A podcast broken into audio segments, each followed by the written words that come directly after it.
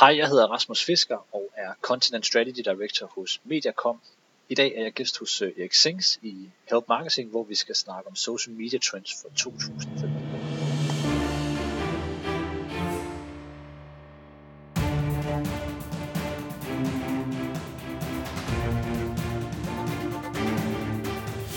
Det her er Help Marketing podcasten, lavet for dig, der arbejder med digital marketing, salg og ledelse, og som gerne vil opnå succes ved at hjælpe andre. Jeg hedder Erik Sings, og Help Marketing produceres af min virksomhed Nokmal. Det er 25. afsnit, og vi taler trends for sociale medier her i 2015. Fokus med Help Marketing er, at vi skal blive bedre til at hjælpe hinanden, fordi det gør hverdagen rar for alle, og fordi det er i mine øjne den bedste måde at skabe succes for sig selv og andre på, fordi vi opbygger værdifulde relationer. I dag så har jeg besøg af Rasmus Fisker fra Mediacom. Han er Strategy og Content Director derinde. Men inden da, så skal vi i forbi ugens content marketing værktøj. Ugens gang til marketingværktøj er sponsoreret af IBA Erhvervsakademi Kolding. På mitiba.dk-help marketing, der finder du uddannelser som Web Content Designer, Web Marketing Manager og diplomuddannelsen i digital markedsføring. Du kan tage uddannelserne enten i Kolding eller i København. Så overvejer du en uddannelse inden for digital markedsføring, så synes jeg, at du skal gøre dig selv den tjeneste at se forbi mitiba.dk-help marketing. Ugens content marketing værktøj hedder Screenfly. Fra april vil Google give endnu mere kærlighed til hjemmesider, der er mobiloptimerede. Og er dit site det? Ellers er det altså bare om at komme i gang. Men hvordan ser din hjemmeside ud på en iPhone, en Kindle Fire eller en Mac? Det kan du teste ved at gå ind på screenfly.com. Der taster du din hjemmesideadresse ind, og så viser Screenfly dit sites på en hvilken som helst enhed, som du selv bestemmer. Du kan simpelthen du kan vælge Samsung Galaxy S, du kan vælge en iPad 3, du kan vælge en Nokia 925, det er lige meget. Du får overblikket over, hvordan dit site ser ud på den enkelte enhed, som du vælger. Og er der så fejl, som du synes, der skal rettes, jamen så er det lige til at gå til. Det er ganske enkelt og ganske gratis på screenfly.com. Og tak til IBA for at være sponsor på ugens content marketing værktøj. Se alle de gode tools samlet på nokmal.dk-tools. Som altid skal vi runde Patreon og superlytterne, der giver værdi tilbage for hver uge at lytte med på Help Marketing. Tak til jer. Vil du også være med til sammen at gøre Help Marketing endnu bedre, så gå ind på patreon.com-eriksings. Når du lytter til dagens interview med Rasmus, så tag hver af de fire overordnede trends og analysere, om din virksomhed kan optimere og få mere ud af den enkelte trend. Og så er det simpelthen bare om at gå i gang. Husk, at noterne ligger på helpmarketing.dk lige til at læse. Jeg skal også lige sige, at den her omgang optagelse, som Rasmus og jeg har lavet, det har været den mest crazy ever. Rasmus' computer var lige her løb tør for strøm, og min PC, den løb faktisk tør for strøm helt til sidst. Vi, der var nogle lydproblemer, hangout-bøvl. Det var øh, den, den vildeste omgang optagelse ever. Men jeg tror faktisk ikke, at du kommer til at lægge synderligt meget mærke til det. Og det er jo meget heldigt, at vi kan redigere det på den måde. Men det, der har påvirket mest, det er nok slutningen, som er en lille smule bræt, fordi strømmen var ved at løbe ud på min computer, ganske få procent tilbage, og så tænkte jeg, at nu skal vi altså have lukket den her. Uanset hvad, så er Rasmus' pointer essentielle, hvis du arbejder eller interesserer dig for sociale medier. Yes, så sidder vi her live på Hangouten med, øh, Rasmus Fisker fra mediebyrået øh, Medicom. Vi skal tale om øh, store trends i øh, 2015 på sociale medier, og øh, Rasmus er strategi- og content director hos øh, Mediacom. Velkommen til dig, Rasmus. Tak for det. Nu forklarer jeg lige hurtigt, hvad det er, du laver, men jeg er sikker på, at du kan... Hvad, er det, øh, hvad, hvad går din hverdag med? Den går sådan primært med at hjælpe de kunder, som vi er tilknyttet i Mediacom, med at prøve at planlægge, hvordan de skal lave indhold på tværs af medieplatformen. Og det vil sådan set sige, jeg er sådan et, øh, jeg er et barn af social media, forstået på den måde, at jeg er opvokset med en kompetence inden for det, og, øh, og meget indhold voksede jo ud af sociale medier til at starte med. Men i dag, der prøver vi ligesom at flytte det øh, en ekstra tand op til, at øh, vi måske tænker indhold lidt bredere. Og selvom det er sådan et gammelt marketingsudtryk, så er det virkelig sådan at prøve at tænke indhold 3, 360 grader rundt. Så øh, indeholder både SEO, social, øh, men også hvad du laver på tv, og også en digital film på YouTube, og sådan set også, hvad du måtte lave ude i Så øh, en lidt gammel sang, men der er meget bedre muligheder for det nu digitalt, end der var før. Det er primært det, jeg konstant. Okay. Og lytterne, der har lyttet med i uh, sidste uges afsnit med uh, Thomas Bigum om ROI på uh, sociale medier, bør jo allerede nu uh, lytte en lille smule mere ekstra efter, uh, fordi nu får vi endnu mere uh, af det, som vi talte om sidste uge. Vi skal tale om uh, trends for uh, 2015 inden for sociale medier, men inden da uh, kunne jeg godt tænke mig at høre et eksempel fra dig på, nogen du har hjulpet, eller du har fået hjælp, hjælp af andre, og så er der på en eller anden måde, der har været en tilbagebetaling, sådan i help marketing on jeg tror, det er sådan, for mig der er det måske svært at komme med sådan et, et meget konkret eksempel på en bestemt historie, men jeg kan sige, at en af de ting, som jeg i hvert fald har haft meget ud af, det er, at, det er bare at dele viden. Jeg har haft meget ud af sådan at, at, holde oplæg til for eksempel Social Media Week. Øh, der er mange, som har kontaktet mig efterfølgende derigennem.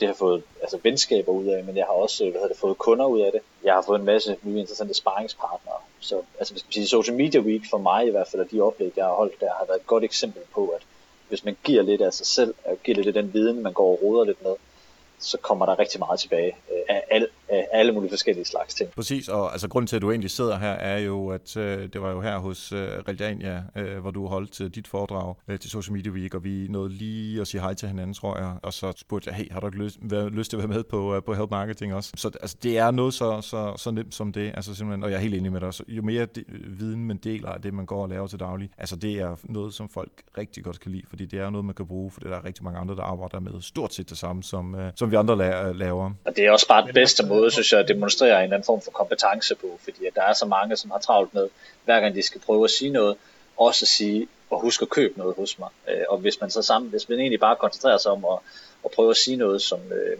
for de kan bruge til noget, så, så følger det faktisk ofte automatisk efter, at, øh, at der kommer en eller anden gevinst. Det er bare ikke sikkert, at den kommer lige bagefter, men den kommer snigende måske en måned eller et år siden. Det er en super tilføjelse, den er så enig med dig, fordi man skal være sælgere på sociale medier, det holder altså simpelthen ikke. Altså de der old school sælgere, øh, sådan canvas-folk. så det er jeg meget øh, enig med dig i. De fire tendenser, som vi skal snakke om øhm, i forhold til sociale medier øh, trends her i 2015, kan du lige riste dem op fordi vi tager dem så hver, øh, hver for sig efterfølgende, men bare som lige har et overblik over, hvad, øh, og det er selvfølgelig dine, det er dine, øh, dine holdninger til trends på, øh, på de sociale medier i 15, ikke? Ja, det er i hvert fald vigtigt at sige, at det er jo ikke eller anden, hvad hedder det, det er jo ikke sådan, at jeg har kigget i stjernerne og så er sikker på, hvad der sker, men det er sådan min holdning til, hvad jeg synes, synes der er vigtigst at holde øje med, øh, og hvad jeg tror mest på, øh, der er vigtigst i 2015. Øh, vi skal starte fra en ende af. Den første trend, den handler om... Oh, lad, os, lad os lige tage dem alle sammen øh, på en gang, bare så vi lige har overblikket, og så kan, dykker vi ned i dem efterfølgende. Ja, jamen øh, den ene, den hedder øh, Paid Social, øh, eksploderer. Øh, vi får flere annoncer på sociale medier. Den anden, denne hedder Privacy og handler om brugernes behov for at være privat. Den tredje, den hedder Video og øh, handler om, at øh, det er den indholdsform, som måske er den stærkeste i 2015 af flere forskellige grunde. Og den sidste, den handler om fragmentering, som handler lidt om brugernes forbrug, men også hvordan at sociale medier begynder at fragmenteres. Fedt, så har vi ligesom overblikket, og, og nu vil jeg ikke stoppe dig mere. Nu, nu har vi, hopper vi direkte ned i, uh, i betaling, altså betalt for, uh, for de sociale medier. Hvad er, hvorfor er uh, det i dine øjne en af de vigtigste ting, der sker i 15? Fordi at, uh, altså nummer et, hvis vi ser på det i national kontekst, altså Danmark, så må vi jo bare stadigvæk anerkende lige meget, hvor interessant det er at se på rigtig mange andre forskellige sociale medier, så er, Facebook, så er vi stadigvæk bare sådan et meget stærkt Facebook-land. Og øh, Facebook er ligesom, øh, det, er, det er ligesom solen i vores solsystem i Danmark, altså hvad skal man sige, hvis vi ser på hvad det, Facebook, som, eller hvad skal man sige, sociale medier som sådan et solsystem. Så det er ligesom stadigvæk bare solen, og Facebook er bare ved at omstille sig markant. Det betyder, at alle dem i Danmark, som arbejder med marketing på Facebook, de er nødt til at tænke annoncering, i hvert fald hvis de er et, i hvert fald hvis de er et brand. Og derudover så er det også bare et eksempel på en tendens. Altså det her, det er jo ikke noget, som, det, det er jo ikke en retning, som Facebook de flytter alene. Øh, alle de andre sociale medier kommer øh, efterhånden til at flytte med. Så grunden til, at den er vigtig, det er sådan set bare, øh, altså en af de store ting, som man har talt om i de mange, seneste mange år på social, det har jo været en meget stor fortælling om, at hvis du laver indhold på sociale medier og arbejder koncentreret og seriøst med det, så vil du også kunne tiltrække en masse fans eller følgere eller subscribers, som du vil kunne udgive indhold til, og dermed øh, flytte dem i loyalitet, og det, at de taler med dig, kan, komme, kan måske på et tidspunkt komme til så at øh, hvad det, få en effekt på andre, som så kommer ind i det community.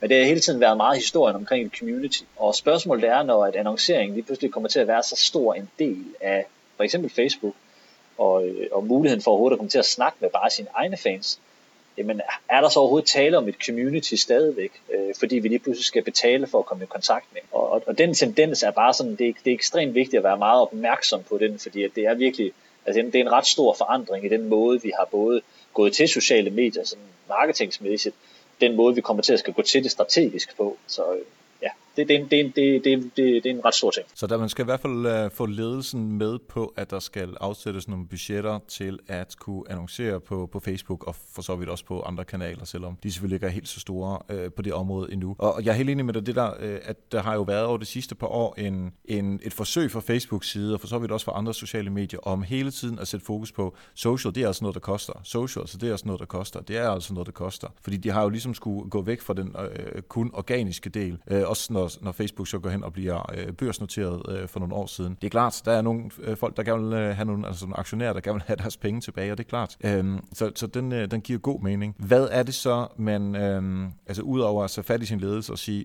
vi skal altså bruge nogle penge, hvis vi skal fremadrettet, hvordan, hvordan kan vi som, som marketingfolk, der gerne vil øh, skabe noget godt indhold til vores brugere, hvordan kan vi bruge den her sådan, øh, social, øh, undskyld, den her betalte social tilgang? Jeg tror, det man skal gøre, det er, at man, altså indhold er altid det, som, det er altid det, man skal tænke først. Det er altid vigtigst at tænke på din målgruppe først, og så tænke på, hvordan du laver noget indhold, som er interessant for den målgruppe, og samtidig også flytter det, som måtte være vigtigt for din, dit brand eller din forretning. Så hvad skal man sige, det er ligesom præmissen, så that, that aside. Så derefter, så er det bare vigtigt nu. Det der, det var engang nok. Det er det bare ikke længere. Så nu er du nødt til, lige bagefter, at du har tænkt indhold, så er du nødt til at tænke på din distribution. Så det man skal gøre, det er, at man er, nummer et, som er nødt til fra sin, fra, fra sin ledelsesside, eller hvad skal man sige, øh, sin egen direktionsside, for at afsætte nogle, øh, nogle beløb til at kunne eksperimentere med, med, med betalt social. Og det er jo også vigtigt at påpege, at det kan godt være, at Facebook er blevet dårligere medie, men det er stadigvæk et rigtig godt medie til at komme ud med nogle budskaber og udkomme med noget indhold. Det er bare ikke lige så godt, som det var for fire år siden. Så det handler om at prøve at eksperimentere med de her annonce, hvad hedder det, de her annoncemuligheder. Altså for eksempel så har Facebook jo gjort det meget bedre for lokale virksomheder, altså som kun har en eller øh, to butikker, eller sådan noget, for eksempel i København eller et andet sted, gjort det meget nemmere at annoncere for dem på Facebook, og gjort det meget mere effektivt via via det, der hedder local awareness, som er nogle bestemte annoncer, som er fokuseret omkring folk, der bevæger sig i nærheden, eller ofte er i nærheden af der, hvor din butik den ligger, inden for en eller anden radius, eller lad os sige en kilometer. Så, så det er jo også, der kommer også gode ting med det her. Det, det, der, der kommer også nogle ting, som gør andre brands i stand til ligesom at agere på social effektivt, hvor det måske tidligere øh, har været meget et sted for meget store brands med meget store an, øh, hvad hedder det, annonceringskroner, så, øh, så kan det også sagtens lade sig gøre for mindre. Ja, det giver rigtig god mening, fordi nu, nu taler du om sådan øh, geodelen men man kunne hæve det op og sige, at det, det handler jo egentlig om kontekst, når der kommer til stykket. For hvis du øh, har den her butik, som ligger øh, et eller andet sted, så inden for et par kilometer, det er der, dine kunder øh, bor, fordi de kommer ind stort set dagligt, eller hvad det kan være, så, så er det for dem en, en rigtig kontekst. Øh, hvis de er i København, så er det fint, men så er der ingen grund til at prøve at få fat i dem, der bor i Vestjylland, eller hvad det kan være. Øh, og tilsvarende er der også, øh, bare lige for at komme et eksempel fra, øh, fra min verden, Bolius, der lavede vi, vi har lavet sådan nogle øh, små, sjove videoer af børn, som forklarer, hvad forskellige bolig Øh, relaterede ting er. Øh, og der forklarede vi eksempelvis, hvad en sølvfisk er. Altså, øh, du ved, de der øh, små øh, bæster, der render rundt på, øh, på, sov, øh, på badeværelset, ikke? Øh, når der er sådan lidt af vådt og fugtigt og sådan. Og så, så prøver vi, så, altså jeg, jeg, havde jo ikke nogen, jeg har faktisk ikke nogen data for, hvem jeg tror, der kunne øh, være interesseret i det her, men, men godt feeling, så tænker jeg, jamen, det må i hvert fald være folk, der har børn og det er sandsynligvis også øh, dem, som har en eller anden form for, altså dem, der interesserer sig for humor, dem, der interesserer sig for sølvfisk, som viser sig også at være noget, man kan interessere sig for på Facebook. øhm, og så prøver jeg på en eller anden måde at lave sådan en, øhm, en, en målgruppe baseret på det, som jeg nu engang øh, kunne finde, mig fra, øh, finde frem til, og selvfølgelig også dem, der følger andre sider, der er bolig, øh, boligejere interesseret. Ikke? Det, det er på den måde, jeg sætter noget kontekst ind over, og får mulighed for via en, en ekstern distributionskanal, få mit, hvad jeg selv vil mene er øh, ret fornuftigt indhold ud til nogen, så det gik noget værdi. Ja, det, det er helt enig i det der, og det, og det, det er absolut netop måden at gøre det på. Der er betalt social ekstremt komplekst, og det betyder også bare, at der er en hel verden at gå på opdagelse i alle mulige forskellige annonceformater. Men helt overordnet, så vil jeg også bare sige, at det der det er også et godt eksempel på, at, at man, vi måske skal til at tænke mindre frekvens og bedre indhold, og så koncentrere os også lidt om distributionen. Altså fordi at før der kunne det godt betale sig at skyde meget højfrekvent ud, øh, altså med updates øh, på, sin, øh, på, på, på Facebook for eksempel, lad os sige 6 eller 7 eller 8 updates om ugen, eller, eller flere om dagen. Øh, men nu er det måske bedre at sørge for at lave for eksempel tre helt vildt gode videoer om ugen, øh, som, som du taler om her, og så sørge for at skyde en annoncering øh, efter dem.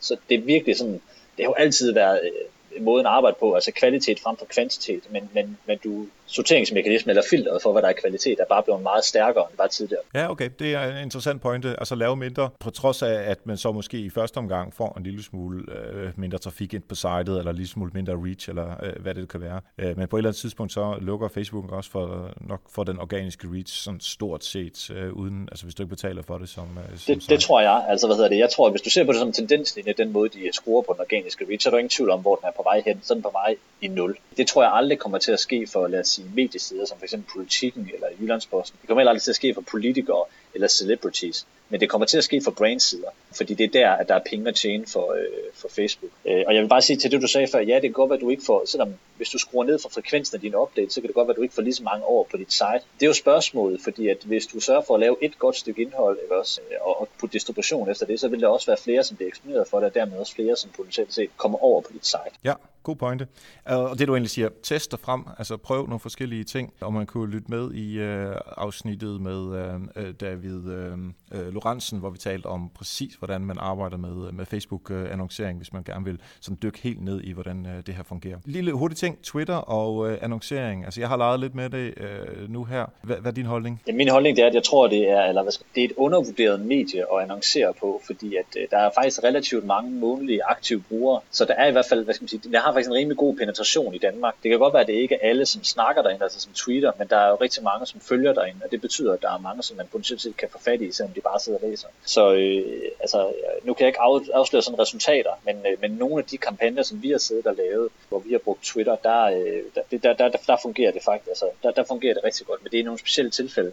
Udfordringen med Twitter, det er jo ofte, at øh, i hvert fald hvis man skal gå direkte igennem Twitter, så skal man have en rimelig stor portion penge at komme med. Men så findes der andre leverandører, eller sådan noget, som man ligesom kan gå igennem for, at, for hvad hedder det, ja for at købe mindre annonceringsbøs. Altså du må selvfølgelig ikke sige noget om øh, kunderne. Nu, nu siger jeg bare noget om Bolius, øh, fordi det, det bestemmer jo, hvorfor jeg, at jeg gør nu. Jeg har brugt øh, 104 dollars, skal jeg se her, og har fået, det er fra 27. februar til 9.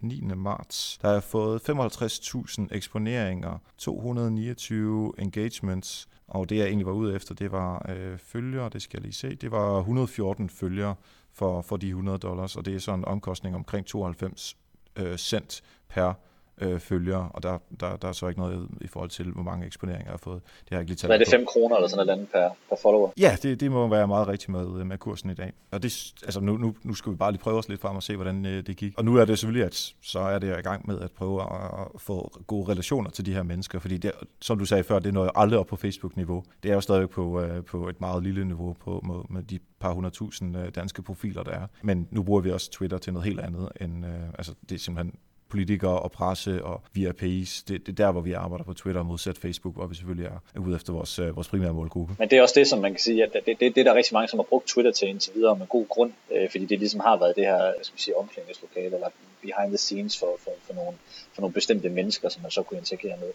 Men, øh, men, men, men det, det er bare interessant at begynde at bruge nogle af de her annoncer på Twitter også, øh, fordi at de kommer, med, de kommer med rigtig mange forskellige annonceringstiltag her i løbet af det næste stykke tid, fordi at de gerne vil ind på det marked, at de har brug for, de har brug for at tjene nogle penge. Så, øh, så der skal nok komme en masse muligheder der, og det, det der, det der er det, det smukke for rigtig mange brands eller markedsfører i det her tilfælde, det er, at der er rigtig mange forskellige medier, som kæmper om ens opmærksomhed, og de vil gerne gøre det så attraktivt som muligt at annoncere på ens platform. Twitter kommer blandt andet med buy buttons, det bliver interessant at prøve at se, om man kan flytte noget der igennem. Altså jeg tror aldrig, man kommer til at flytte store øh, indkøb på sociale medier øh, via buy buttons, altså som for eksempel biler eller sofaer. Men det man måske kan flytte, det er måske nogle impulskøb.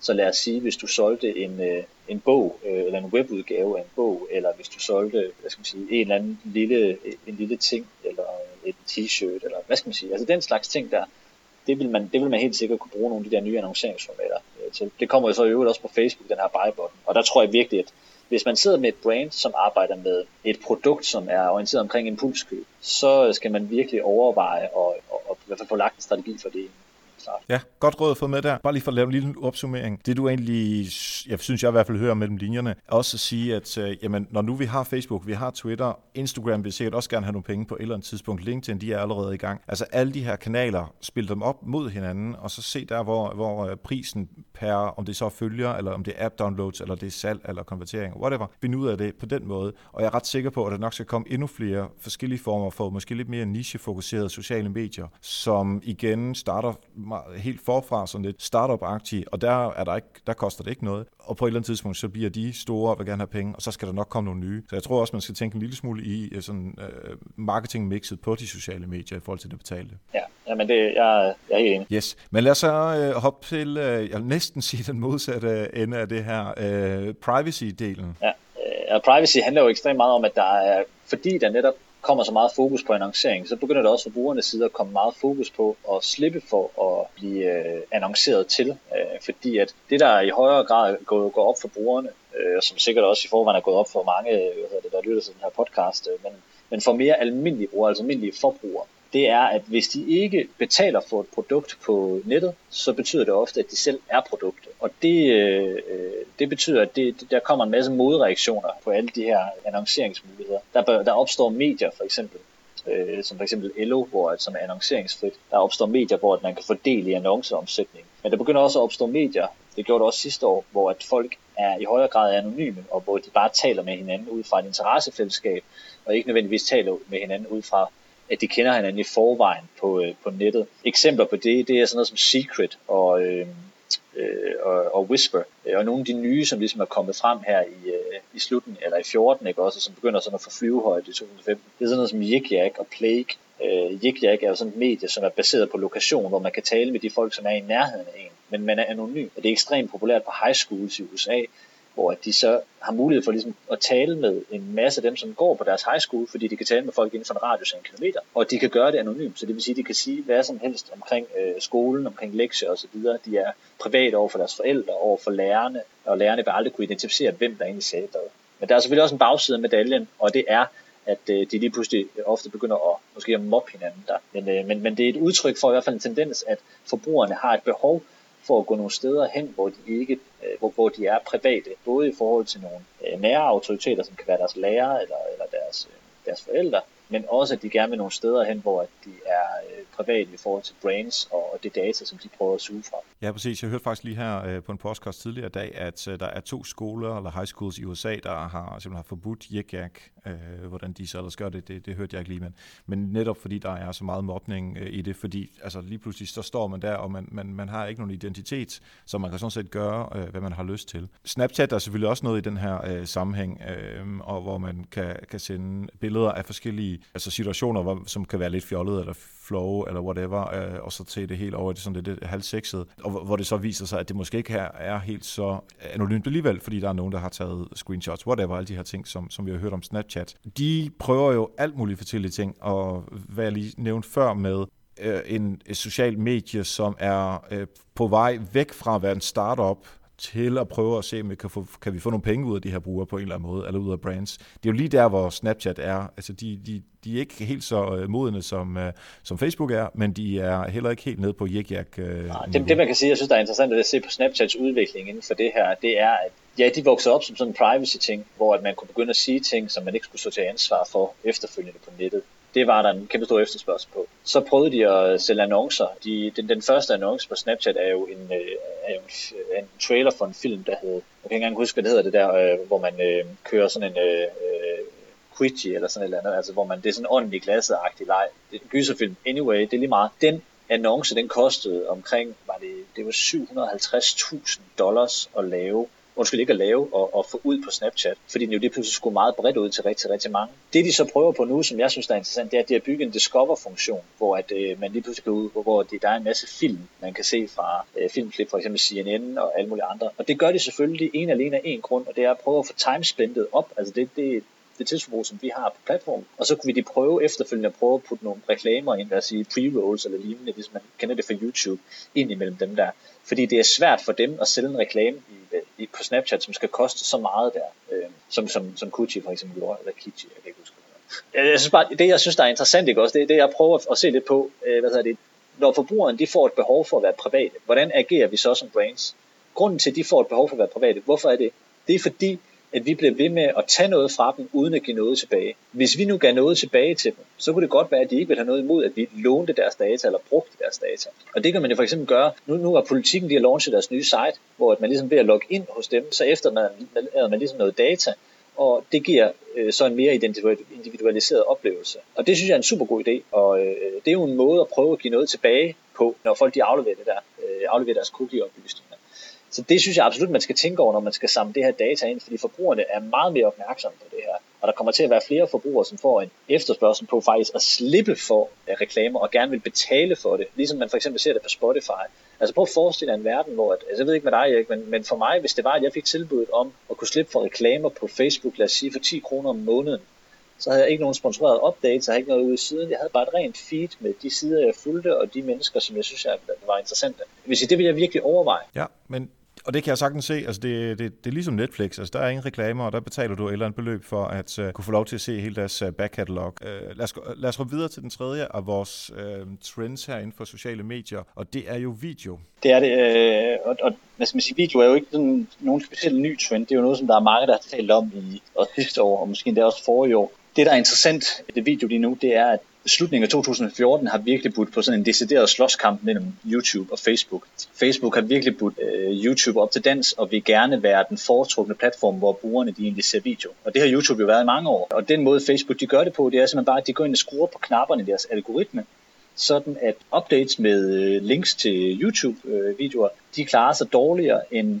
videoer, der for eksempel er uploadet direkte i Facebook det er ret simpelt. Det er grundlæggende bare det, de har gjort. Det betyder lige pludselig, at øh, man skal til at tænke over video, når man øh, kommunikerer på Facebook. Og så kan vi jo også, også bare se på tværs af, af devices og på tværs af mange af de tal, som vi ser, at det er en af de bedste, det er en rigtig god måde at drive engagement på, fordi at, øh, det er nemt at få folk til at se en video, og det er øh, også fedt for brugere at se video, fordi det er en, det er en fed måde at blive kommunikeret øh, til på. Det er, det er let at forstå, hvad der bliver sagt, og der er alle mulige forskellige virkemidler. Problemet for rigtig mange brands, det er selvfølgelig, at det kan være dyrt at producere video. Så det man skal tænke over, øh, det er at prøve at bundle sin produktion så meget som muligt. Så altså planlæg, inden man begynder at lave video, øh, sådan at man altså, hvad skal man sige, kan få enten hjælp fra nogen, øh, eller i hvert fald man får lavet en del video på den dag, man nu reserverer til at lave det. Og så lad være med at tænke over, at video, det behøver ikke at være rasende dyrt. Altså nu forklarer du selv om, om noget, du har lavet, hvor du gik på gaden og snakkede med nogle børn for at høre, hvad de, hvad de synes om nogen, eller hvad de troede omkring nogle forskellige begreber. Og, og det, der skal ikke nødvendigvis øh, specielt meget til, så længe at øh, ideen den er rigtig. Men, men det... Nej, bare for lige at, bare for at give et eksempel der, øh, det var ikke helt på gaden, det var øh, på en skole, hvor vi simpelthen hentede nogle, øh, nogle børn, som vi har fået lov til at snakke med fra nogle øh, søde forældre. Øh, simpelthen øh, vores kamerafolk, de, øh, eller kamerahold gik der, tog derud, og så tror jeg, vi optog 11 videoer på én gang. Og det understøtter lige præcis det, du siger. Altså, at vi simpelthen prøver at få så meget muligt ud af det, og nu øh, udgiver vi så en video om Og det, og det, det er absolut det, man skal prøve, og hvad hedder det, prøve at gå efter. Jeg var klar over, at det er ikke alle, som har, som har the money til at, til, til at lave store produktioner, men det behøves det bare heller ikke altid at være. Og så også tænke i formatet, fordi at en video behøves, der er mange, som har troet, at en video, når den skal altid, en god digital video, den er to minutter, og det er bare heller ikke rigtigt. Altså en, en rigtig velfungerende video kan sagtens være 10 sekunder, og kan måske endda være 5 sekunder, eller, eller den kan være 15 sekunder. Så, så tænk virkelig det. Altså overvej det her med, når man selv for eksempel er på Facebook, og man trykker på en video, eller er på YouTube, så ser en video. Det første alle de gør, det er at kigge ned i venstre side, og så ser de på, hvor lang tid varer den her video. Og hvis den varer over to minutter, eller bare nærmest over halvanden minut, så skal det virkelig være interessant, eller man skal få en god anbefaling fra en ven, før man gider at sætte den færdig. Så, øh, og, men hvis den bare er 15 sekunder, så kan de fleste stå igennem det, for lige at se, hvad det var for noget. Og så er der også relativt kort bagefter til at gå ned og interagere altså like eller, eller kommentere. Hvorimod der kan være rigtig langt, hvis det er, at man trykker på et YouTube-link, og så kommer helt ud af Facebook og skal til at tilbage igen for at kommentere, hvis man skulle det. Ja, og hvis vi lige skal tage den der øh, distributionsdel af det. Øh, når nu Facebook gerne vil have, at man uploader øh, videoer til dem, så man kan se det derinde, og der er meget af det, der bliver autoafspillet, lige så snart du bare øh, scroller ned over det, hvilket kan være en fordel, men også kan være lidt irriterende, hvis øh, man har travlt, og man helst ikke vil forstyrres. Men lad os lige lade den ligge. Der er jo stadigvæk en stor interesse i at have øh, videoer på YouTube også. SEO-mæssige fordele, men der er også store øh, fordele ved at have dem på Facebook. Så hvordan, hvordan fanden skal man afgøre med sig selv, hvad det er, øh, hvor, hvor man vil lægge det hen, eller skal man lægge det dobbelt? Hvad, hvad synes du? Altså jeg vil faktisk sige lige nu, så skal man nok lægge det dobbelt. Det, det er man nok nødt til at prøve her det næste tid. Man er simpelthen nødt til at eksperimentere en lille bitte smule, fordi at, altså det, det her det er en slåskamp imellem de to, og det er godt for brands, fordi det betyder, at de vil igen prøve at tiltrække os til at være på hver sin platform, ved at give os så optimale muligheder som, som muligt. Så ja, jeg vil bruge den på den måde forskelligt. Altså YouTube er stadigvæk langt foran i forhold til at have sådan et videobibliotek i forhold til, hvad Facebook de har. Facebook er rigtig godt til til at uploade en video, som kan forbruges ude i feedet, men den er jo meget flygtig, den video. Øh, hvorimod YouTube er rigtig godt til det, vi kan kalde sådan long tail content, eller evergreen content, altså ting, der kan ses igen og igen og igen, og ikke nødvendigvis sådan aktualitetsborgerne. Og det er det jo netop fordi, at YouTube er stadigvæk verdensmester, øh, når det kommer til SEO, fordi at man kan søge, og så kan man ramme en YouTube-video. Så hvis den er tagget ordentligt op, så kan man lige pludselig få rigtig mange long-tail views på sådan en video. Og der, er, der, må, sige, der må man bare sige, som Facebook fungerer lige nu, så forsvinder videoerne ligesom ned i feedet. Men Facebook kommer jo også med en lignende funktion, øh, hvor de ligesom får de hjem til, øh, til videoer på den måde er meget snart. Og spørgsmålet er ikke også, om de, om de ikke også snart altså, hvad hedder det, får øh, lavet en ordentlig søgefunktion, så man ligesom er i stand til at søge efter nogle, øh, nogle videoer. Altså Facebook har jo selv, vi, vi sidder på sådan her i Mediacom, der er vi sådan så giftet, øh, eller så heldige, at vi får lov til at sidde på sådan et earnings call med Facebook og nogle af de store fra Facebook. Øh, Zuckerberg sagde på en af de her calls her, at øh, omkring 2000 og 12, der var 1% af det, øh, hvad hedder det indhold, som blev forbrugt i feedet, det var video. Lige nu, der ligger vi på omkring 8-9%, og i 2018, der vil de gerne være over 50%. Altså prøv at overveje det. Altså jeg, jeg synes, der er meget video i mit feed lige nu, også? men til den tid, så skal der være over 50%.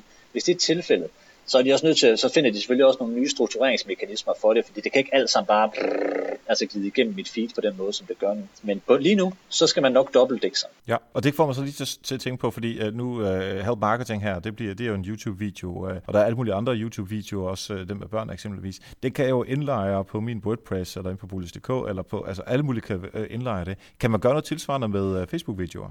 Det, det, det, det, det er faktisk ikke, øh, det, det er jeg kun klar men det man måske kunne gøre, det jeg tænker, nu sidder jeg bare lige, for, jeg sidder bare lige og fik en idé, og det kan være derfor, jeg tabte lige tråden i det, når, det, når du var, du sagde det der. Den måde, man måske kunne få medierne til at arbejde sammen med, lad os sige, at man havde en podcast som det her. Det, der måske kunne være øh, en god måde at gøre det på, det var, at når man havde optaget den her og lagt den ud på YouTube, så kan man jo sagtens tage linket ikke også? Og så putte det ind i en update, men uploade en video, så linket ligesom ligger i teksten, ikke også? Og så kunne det være, at man havde sammenklippet en 15 sekunders version med et par højdepunkter eller sådan noget, eller, eller det her, det er det, som den her podcast den handler om. Eller en trailer eller sådan noget. En trailer, ja, lige præcis, ikke også? Så, så folk de kunne klikke og så se det hele bagefter, for det er klart, at det vil være meget få folk, som lander på den her podcast i feedet, som har tid til at sidde og bruge en halv time der og nu. Men derfor kan det sagtens være, at de er interesseret i at få at vide, at den findes, så at de næste gang, de støder på help marketing, eller når de for tid ligesom kan gemme det der link ved at gemme det på Pocket, eller, eller sende det til sig selv i en e-mail, eller sådan noget, så de ser det senere. Så måske kan man bruge Facebook som en distributionskanal lige nu for at reklamere for nogle af de videoer, der ligger på YouTube. Men det er bare vigtigt, at man uploader sin video direkte i Facebook, fordi ellers, det, det, det, ellers er det ikke effektivt brugt. Ja, det er et rigtig godt råd, og det var direkte råd til mig. Det gælder selvfølgelig også de lytter, der er derude, som af en eller anden grund, eller hvad det, laver en eller anden form for øh, video også, øh, som de kan lave trailer på, eller highlights fra øh, til, til Facebook, for at få dem op på YouTube. Super godt tænkt der. Skal vi tage den sidste, som hedder fra, øh, fragmentering? Ja, det kan vi godt. Det, det, er jo sådan et, øh, det er jo lidt en abstrakt titel på en trend, og den handler også om flere ting. En af de konkrete ting, som den handler om, det er, at mange af de her sociale medier, de begynder at opdele deres funktioner øh, og fragmentere dem ud i designerede apps. Facebook har blandt andet lavet en group-funktion, de har lavet altså en group-app, de har lavet Rooms, de har lavet øh, hvad hedder det, deres Messenger-app. Instagram har lavet en Hyperlap, Hyperlapse-app, hvor man, som man kan filme i, øh, som lige så godt kunne ligge i en Instagram, men bare ikke gør det, fordi forbrugerne i langt høj grad har en efterspørgsel på at bruge sociale medier til noget meget specifikt. Øh, så det vil sige, at man har et socialt medie, som man bruger til noget, og et andet socialt medie, som man bruger til noget tredje. Snapchat er måske der, hvor man kommunikerer meget venskabeligt og intimt og privat med nogle få venner, eller mange venner, det er sådan lidt forskelligt. Og øh, Facebook er så hele netværket. Instagram er der, hvor at man måske følger en masse celebrities og lignende. Yikyak er noget til en skole, og på den måde så bliver, så bliver brugen bare sådan fragmenteret. Vi bruger medierne forskelligt. Der er ikke noget, Altså det her med, at der er sådan et allerstedsnærværende medie, hvor vi gør det hele, som vi for eksempel gjorde engang på Facebook, det, det er ikke rigtig aktuelt længere. Vi begynder simpelthen at flytte vores forbrug ud på mange forskellige platforme. Og det er jo svært for brains, fordi hvad, hvordan vælger man så platform, når det er, at brugerne de forbruger så mange forskellige ting? Og det er der desværre bare ikke noget øh, øh, hvad skal man sige, sådan nemt svar på, hvad man lige skal gøre som, øh, som markedsfører i det tilfælde der. Men det man skal tænke i, det er, at man skal tænke i det begreb, som hedder liquid content. Det vil sige, at man skal tænke i at prøve at skabe indhold, som ikke nødvendigvis hører hjemme på én platform, men som kan forbruges flere steder. Altså et godt eksempel er for eksempel en video, som vi talte om før. Den kan ligge på YouTube, den kan ligge på Facebook, man kan uploade, måske et, øh, hvis man havde Snapchat, så kunne man uploade de 15 sekunder eller 8 sekunder der også som en trailer for det, og så videre, så videre. Altså prøv at tænke i at udvikle indhold, som kan leve flere steder på én gang, eller indhold, lad os sige for eksempel et link til, til en YouTube-video, som folk de kan tage med videre og tale om i chatfunktioner og andre grupper og lignende. Det, man, hvis man insisterer på, at al den snak, der skal foregå med mit brain, den skal ske herinde på min Facebook-væg, så misser man simpelthen muligheden for, øh, at folk de forbruger det indhold, som man udkommer med. Og det er meget abstrakt det her, og ekstremt svært, og det er der absolut ikke nogen løsning. Jeg tror, at vi kommer til at se, vi kommer til at se en masse kreative løsninger i løbet af de næste år, men vi kommer også til at se nogle, nogle brains snuble på det her, fordi det er blevet, det, det bliver rigtig svært og komplekst, når brugerne de bruger så mange forskellige platforme. Yes, det har været øh, super, super fedt at gå igennem de her øh, fire øh, trends for øh, 2015 med dig. Hvis det er, man gerne vil følge dig på sociale medier, hvor er det, man skal finde dig henne så? Det skal man øh, nok primært på Twitter. Det er i hvert fald der, hvor jeg deler meget viden. Og ellers på SlideShare, hvor jeg plejer at lægge alle mine præsentationer op. Og ellers er man også velkommen til at kontakte mig på, på LinkedIn øh, og, øh, og smide mig en... Øh, med det der, hvis man skulle have et spørgsmål eller, eller lignende. Yes, og det er på, øh, på Twitter, er det snabelag Rasmusk Rasmus, Rasmus Fisker øh, lige ud. Rasmus Kusk, Ras, Rasmus Fisker, ja. Og det er, det er sådan set Rasmus Fisker på alle de tre platforme. SlideShare, LinkedIn og, og Twitter, så jeg skulle være til at finde. Og igen tak til Rasmus. Det er super gode pointer, han kommer med, og en bræt afslutning. De fire trends, som Rasmus omtalte, de er lige til at gå til og optimere jeres setup i virksomheden. Jeg nåede ikke forbi Patreon-interviewet, så nu får jeg en lille smule baggrund. For de sidste uger, der er det eksploderet med nye Patreons. Velkommen til, og mange, mange tak. Jeg er rigtig stolt over, at der er så mange, der synes, at de gerne vil støtte Help Marketing. Nå, men vi har nået vores første mål, som var 20 dollars per afsnit, og så vil jeg så give uh, data om, hvor mange downloads vi har, og, øh, og, og pengene involverer det her, og uh, hvor, mange, hvor meget tid vi bruger på det. Det får alle Patreons adgang til ind på patreon.com. Det næste mål, som vi kan prøve at se, om vi kan nå sammen, og det er 100 dollars per afsnit. Når vi når det, så inviterer jeg alle patrons på en hangout hver eneste kvartal.